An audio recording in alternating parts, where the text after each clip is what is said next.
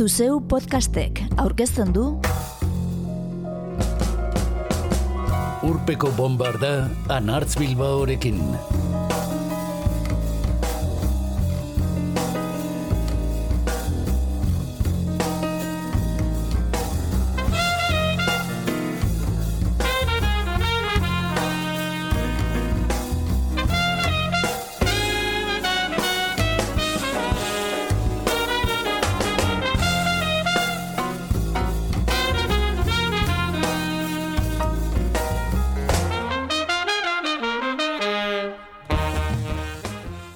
Urpeko bombardan astero saio bat uineratzeko erritmoari utzi nahian gabiltza. Baina, aitortu beharra dugu, osasun arazo batzuk medio gutxieneko zerbitzuetan gaudela aspaldi. Tira, atemporalitatea ida podcasten indargunetako bat eta akaso hobe genuen ezerrez esan. Baina kontuak argitu ditugu eta egin dezagun aurrera.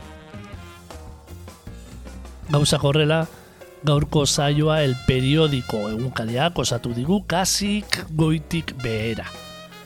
10 canciones que reflejan la fascinación occidental por Rusia, sarrerarekin. Eta aurrekoan Ukrainara bezala, gaurkoan Errusiara begira paratuko gara. Musikaz gozatu asmotan beti ere. Proposatutako zerrendari hiru kantu gehitu dizkiogu saioa osatzeko. Eta entzungo ditugu Ramones, Polanski y el Ardor, Alaska y Dinarama, Gora Gora Kids, Chinkis Khan, Pet Shot Boys, Sting, Billy Joel, Antonia Font, Franco Battiato, Oskorri, Sabaton eta Ramstein. Amairu kantu guztira, zei hizkuntzatan. Errusiagatik txundidura agertzen duten amar kantu, dio el periodiko egunkariak. Mendebaldeko rokak eta popak izan zuten eragina superpotentzia sovietikoaren erorketan. Bertako herritarrak txundituz, baina aldi berean, urs eta errusiak gure munduko artistak ere erakarri izan dituzte. Kidekotasun ideologiko tikasi eta bertako totem kulturala komentzeraino erraldoiari izua edo morboa agertzeraino. Hamar kanturen bitartez zerkatuko dugu urte luze horietan jasotako eragin hori. Idatzi du Jordi Biontzioto kulturkazetari ezagunak.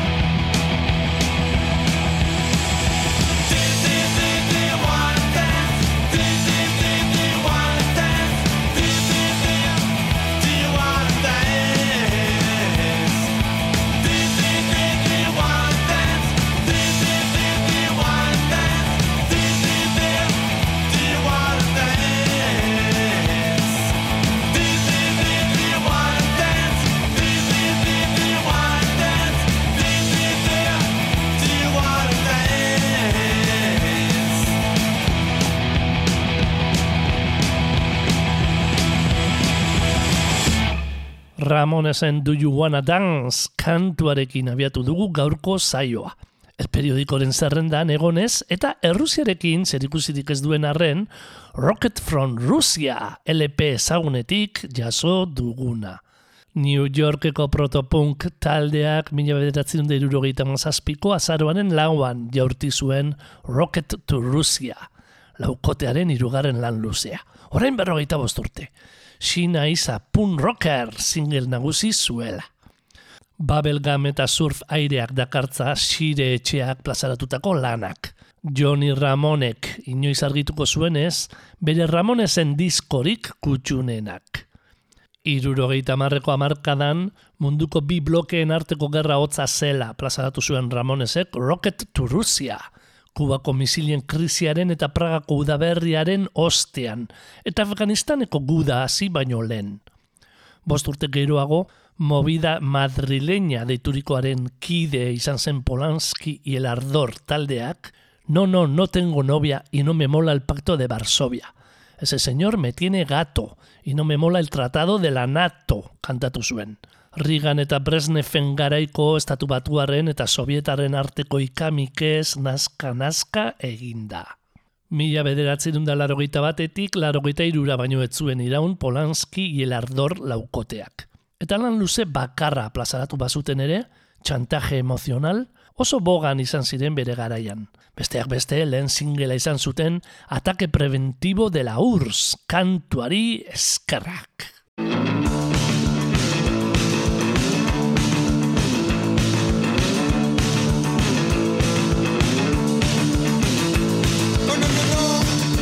No, no es posible. Se ha venido mi respuesta flexible. Viene el bus, se ha vuelto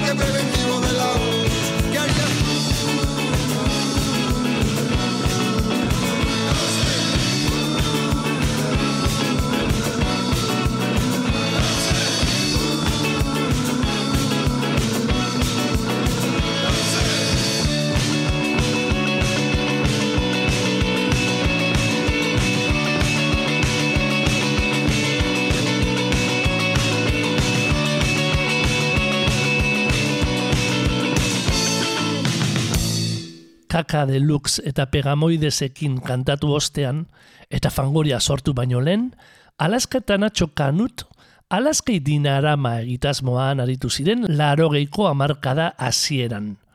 Polanski el ardor bezala, Madrildar mugidaren baitan.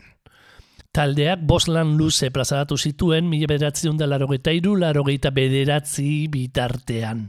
Arrakastandikoak batzuk. Deseo karnal berbarako. Mujeres rusas kantuan, hauek ere abestu zioten holokausto nuklearraren izuari. Hay 100 mujeres rusas en el espacio exterior que van buscando la aniquilación de los estados de la Unión.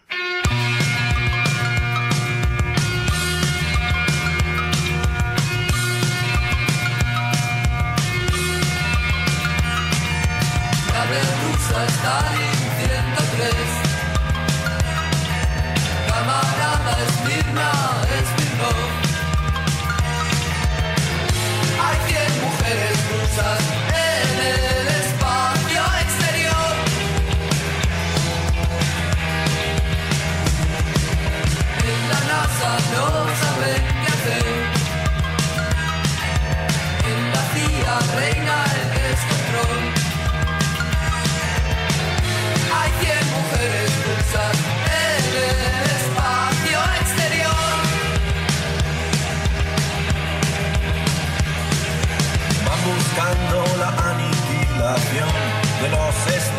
De la Unión.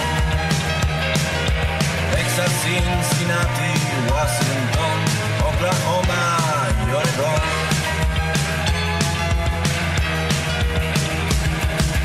Guerra Fría, Washington, Moscú. A mi cartel cometió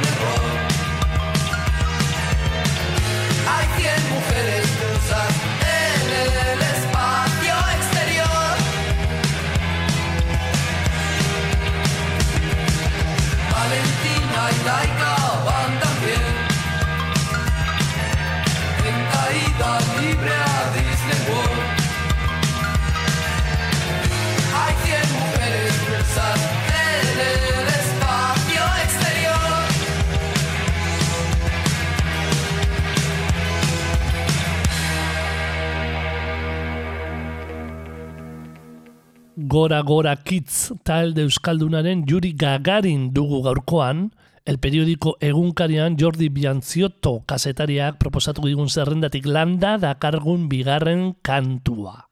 Berrogeita marreko amarkada bukaeran, lasterketa espazialean bete-betean murgildurik ziren bi superpotentziak. Sovietarrak pauso bat aurretik zirela. Mila bederatzen deirurogeta iruan, espaziora bidaiatzen lehen emakumea izan zen Valentina Tereskova. Eta bi urte lehenago, lehen gizona Juri Gagarin, bostok bat ontzian. Eunda sei minutuko misioa osatu zuen, eta lurrari orbita osatu, mila bederatzen deirurogeta bateko apirilaren amabian. Balentria handia dudari gabe, gora gora kitz taldeak goraipatua, 2008ko Horror Songs epean. Космическое пространство. Lendabiziko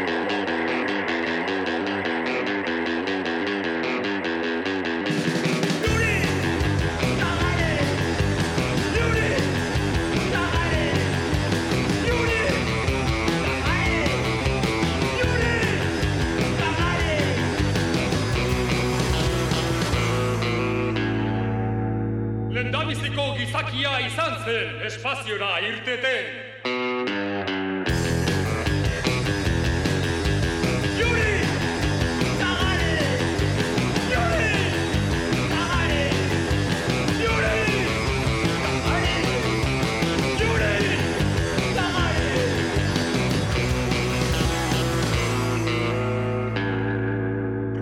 Esan zuen, ez zuela jainkorik ikusi.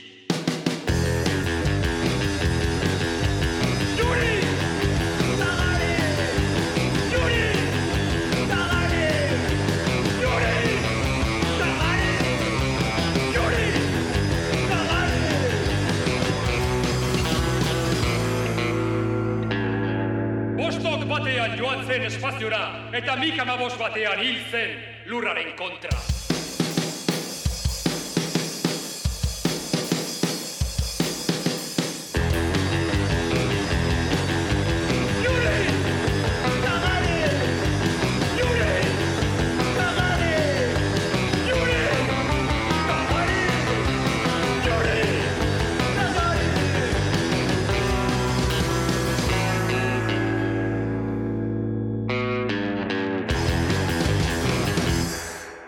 Chingis Khan talde alemaniarra, mila bederatzen derurogeita mazortzeko Eurovisionen parte hartzeko sortu zen, Munitzen. Hain zuzen ere, izen bereko kantuarekin. Eta urte bete geroago, Errusiar hiriburuari miresmena agertu zion, kosako arriturria duen kantu disko patxanga batekin. Moskau. Orduko sovietar erresuman ere jarri zuten kantua. Amabos segundu utzez. Urte berriko telebista saio berezi batean. Eta zuzendariaren dimisioa ekarri zuen erabakiak. 2018an, munduko futbol txapelketa Errusian jokatu zela eta berriro grabatu zuen kantua Zingis Khan taldeak. Eta izan ditu bertzio gehiago ere. Gazteleraz bata, Georgi Danek kantatua.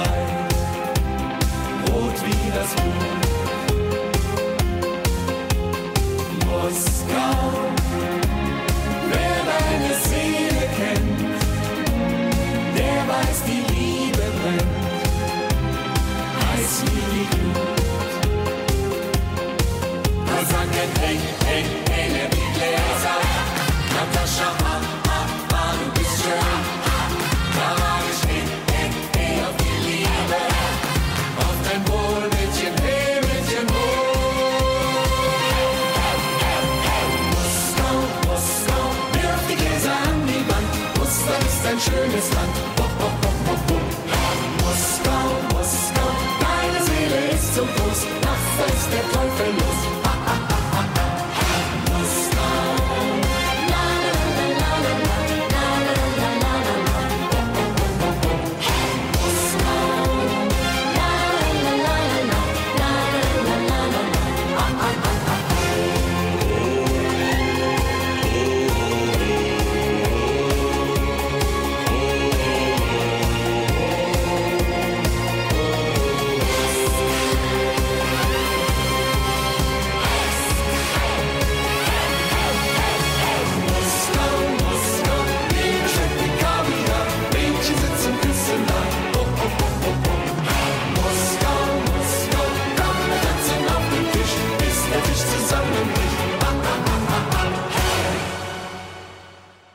bloke sozialistaren erorketarekin, dio Jordi Biontziotok, eskarmento handiko Rusiar kompositore batek, urriko iraultzaren aldeko sintonia berridazteko garaia heldu izitzaion itaundu zuen, herri minez.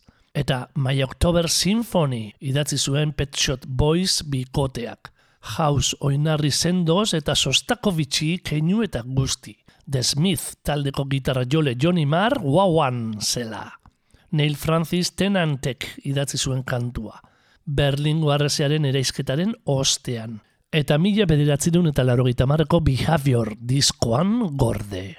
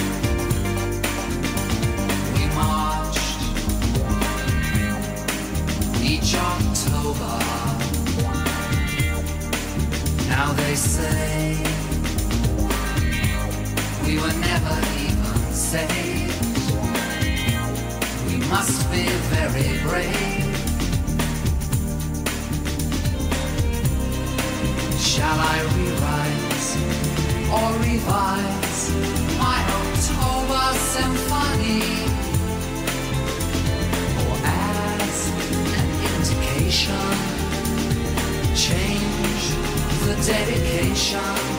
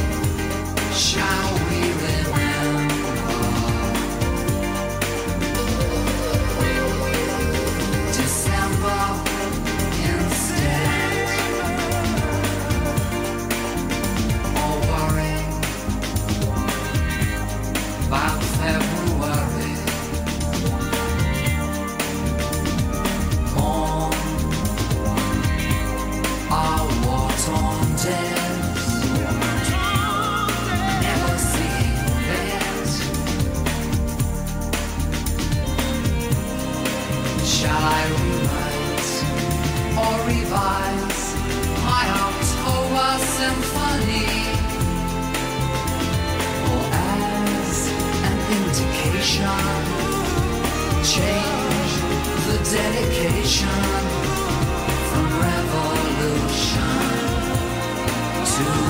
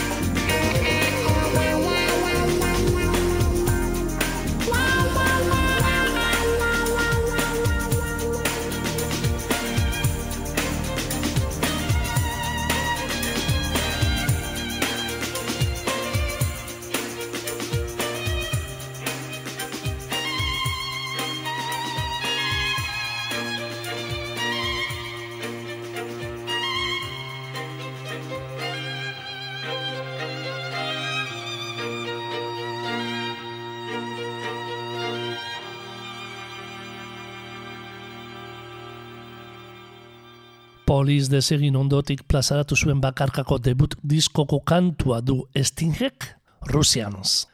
Mila bederatzen da larogeita bosteko The Dream of the Blue Turtles diskokoa. Eta bere garaian arrakasta desente erdietzi zuen arren, azken amarkaretan jo ez duena. Gerrautzak geroztik adierazgarria izango ez zelakoan. Orain, berreskuratu egin du Prokokiev Ukraniarraren Kije tenentea suitaren pasarte bat duen kantua. Bloke batean zein bestean egon, gizatasun berekoak garela aldarrikatu eta gerrari bukaera eman diezaiotela erregutzeko. Europe and America, there's a growing feeling of hysteria. Conditioned to respond to all the threats and the rhetorical speeches of the Soviet. Mr. Khrushchev said, We will bury you. I don't subscribe to this point of view.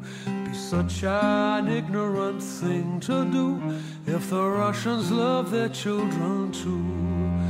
How can I save my little boy from Oppenheimer's deadly toy? There is no monopoly of common sense on either side of the political fence. We share the same biology, regardless of ideology. Believe me when I say to you, I hope the Russians love their children too.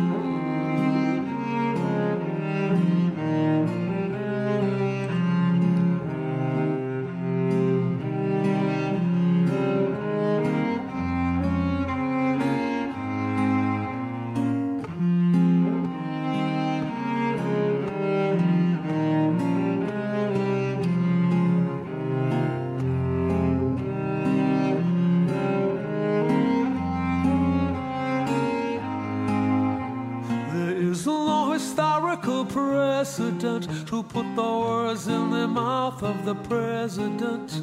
There's no such thing as a winnable war. It's a lie we don't believe anymore. We share the same biology, regardless of ideology. And what might save us, me and you, is that the Russians love their children too.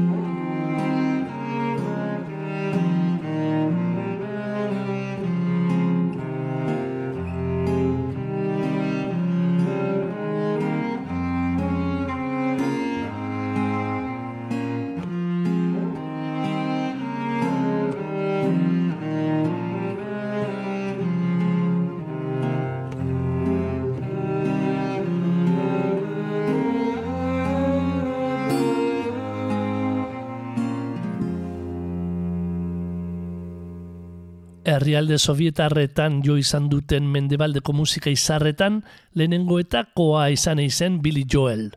Moskun, San Petersburgon eta Georgiako Tiflisen kantatu baitzuen mila bederatzen da larogeita zazpian.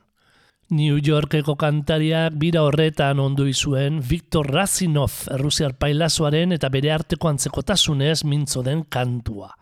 Gerra ostea, sorgin eiza, Kubako misilen krisia eta bukatzeko anaien arteko bezarkada. Aurrekoek bezala, keinu klasiko bat gordetzen du honek ere.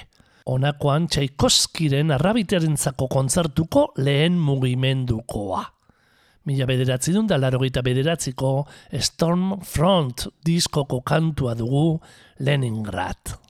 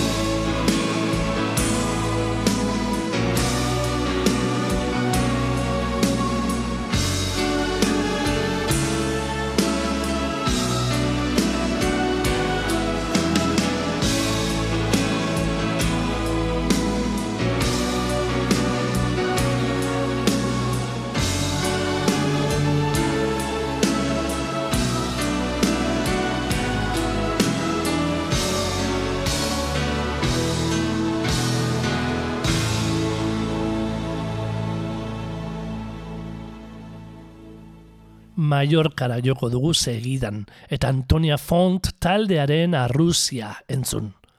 Alegoriazko lur urrun bati loturiko egoera mental baten gizara, Rusiari kantuak goibeltasun hildua eragiten du, dio el periodiko egunkariko kasetariak.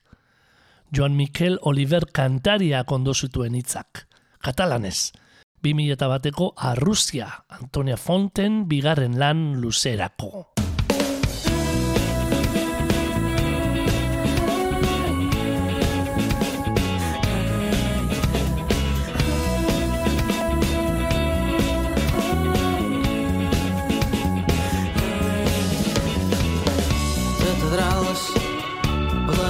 Sargentanes són verdes, són blanques i una flor. Surt dins una teulada més grolla i més alta. Dues cuarades de sucre suc de taronja sa boira d'Escòcia. Dues cuarades de sucre suc de cafè cafè de Colòmbia, catedrals tanquen ses portes i de dins. Jo sé que ja som a Rússia i tot en sa veritat d'una rasta insuperable a Rússia. Hi viu sa gent en zero graus se congelen i s'aguanten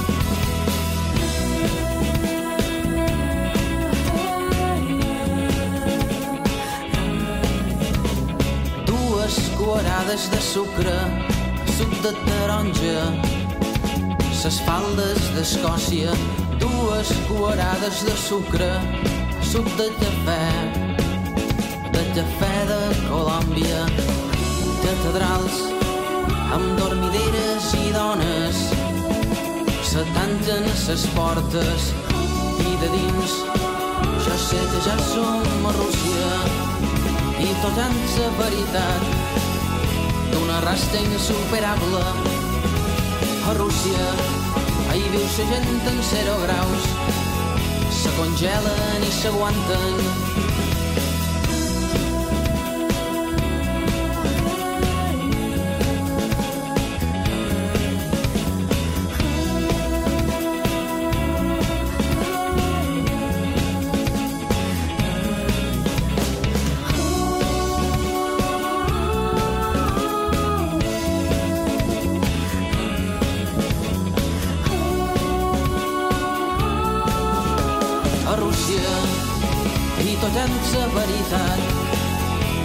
rasta insuperable. A Rússia hi viu sa gent en 0 graus, se congelen i s'aguanten. A Rússia i tot en sa veritat d'una rasta insuperable. A Rússia hi viu sa gent en 0 graus, se congelen i s'aguanten.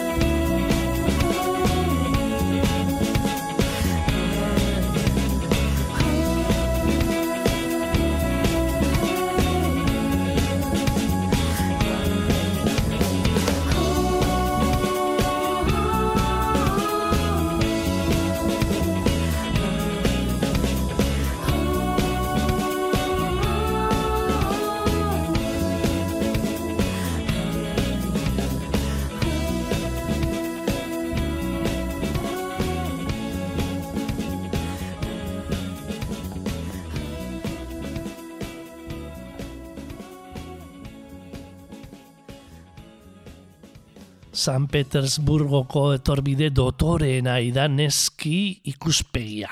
Almirantegoan hasi eta lau kilometro luze Mosku geltokian amaitzen dena. Franco Batiatok kantu bat eskaini zion, turismoak era bat hartua izan aurretik. Italiar kantari itzaltzua kogeita gradu zero azpitik irudikatu zuen. Moduz realista xamarrean, Nijinsky, Stravinsky eta Eisensteinekin oroitu bitartean. Giusto Piorekin batera idatzi zuen Prospektiba Nemski Franco Batiatok. Mila bederatzen da larogeiko Patriots albumerako. Un vento a 30 gradi sotto zero, incontrastato sulle piazze vuote contro i campanili. A tratti come raffiche di mitra, disintegrava i cumuli di neve.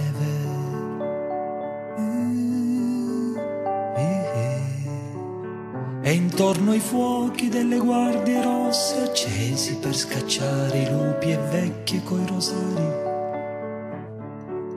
E intorno ai fuochi delle guardie rosse accesi per scacciare i lupi e vecchie coi rosari. Seduti sui gradini di una chiesa, aspettavamo che finisse messa e uscissero le donne. Poi guardavamo con le facce assenti la grazia innaturale di Nijinsky.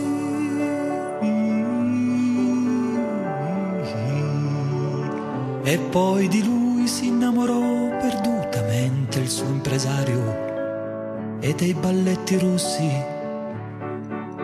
E poi di lui si innamorò perdutamente il suo impresario e dei balletti russi. L'inverno con la mia generazione, le donne curve sui telai vicine alle finestre. Un giorno sulla prospettiva Nevsky, per caso vi incontrai Igor Stravinsky.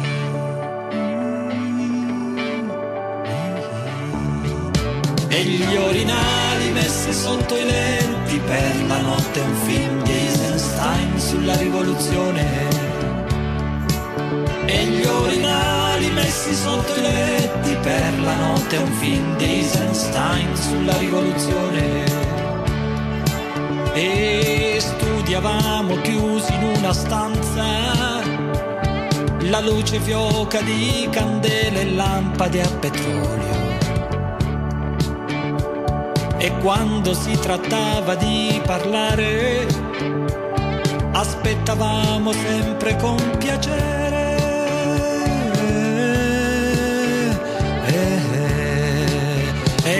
maestro mi insegnò com'è difficile trovare l'alba dentro l'imbrunire. E il mio maestro mi insegnò com'è difficile trovare l'alba dentro l'imbrunire.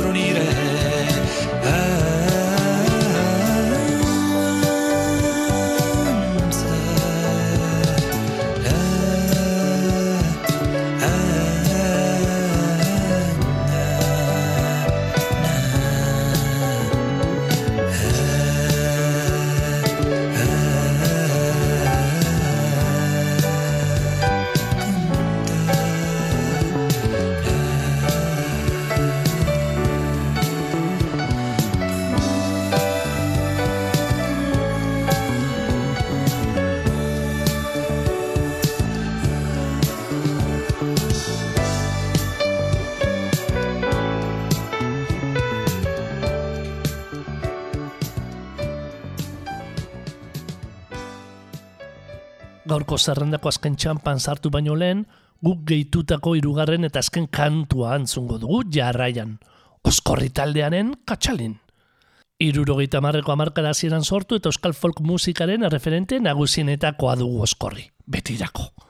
Bilbo taldeak sortzigarrena zuen mila bederatzerun laro lauko hau hermosurie diskoa itxi zuen katxalin kantuarekin. Baina, zer zer ikusi du errusiarekin?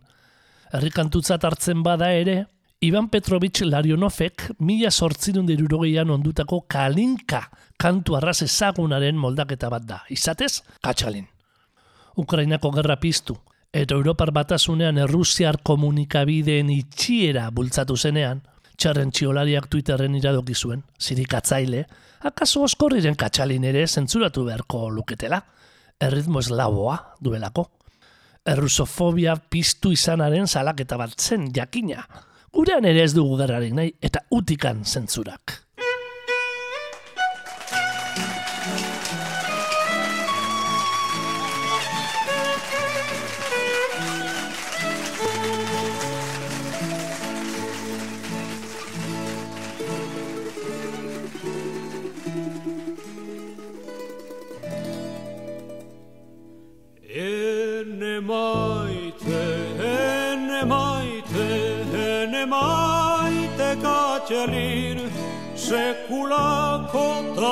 Ta betiko galdu zaitut katselin. Etxe txiki txukun baten zure aite tamekin, zinen bizi zintzo bizi ene maite katxealin. Ene maite, ene maite, ene maite Sekulat po ta veti po Ka du sajtë ka tja dir Banja edher sines Si ne hi sarvat besin sori Suk basen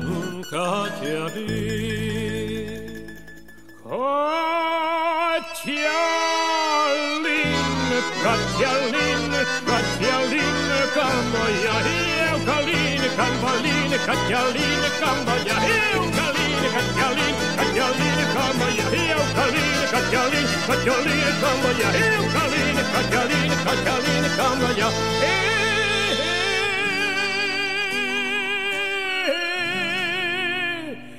Ibaiera zinen joaten zure ote beltzekin Goiz batean, bat batean, ito zinen katialin.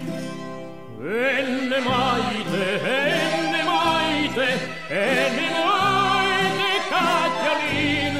Sekulako tabetiko galdu zaitut katialin Il herrian badalore euskililik erabelin Zuzaituzte badutuzte ongaritzat katialin Ene maite, ene maite, ene maite katialin Sekula dico, guardo sai Chayalín en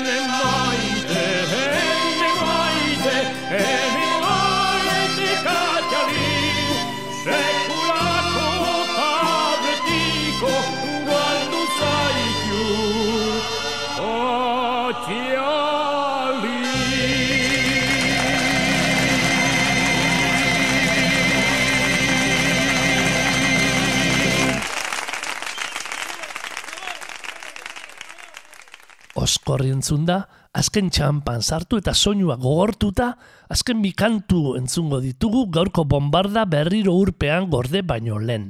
Sabaton eta Ramstein metal taldeen bana. Suediar power metal taldea da Sabaton, jarrera militar salea duena. Pasaren mil urteko bukaeran falun irian sortua. 2008an The Art of War, laugarren lan luzea plazaratu zuten. Eta bertako kantua dugu Panzerkampf. Aipatu kantuak Sovietar armadari gorazarre egiten dio. Mila bederatzen da berrogeta iruko kurseko borrokaldia kaotan hartuta. Armada gorriak naziak geldiarazi zituela eta.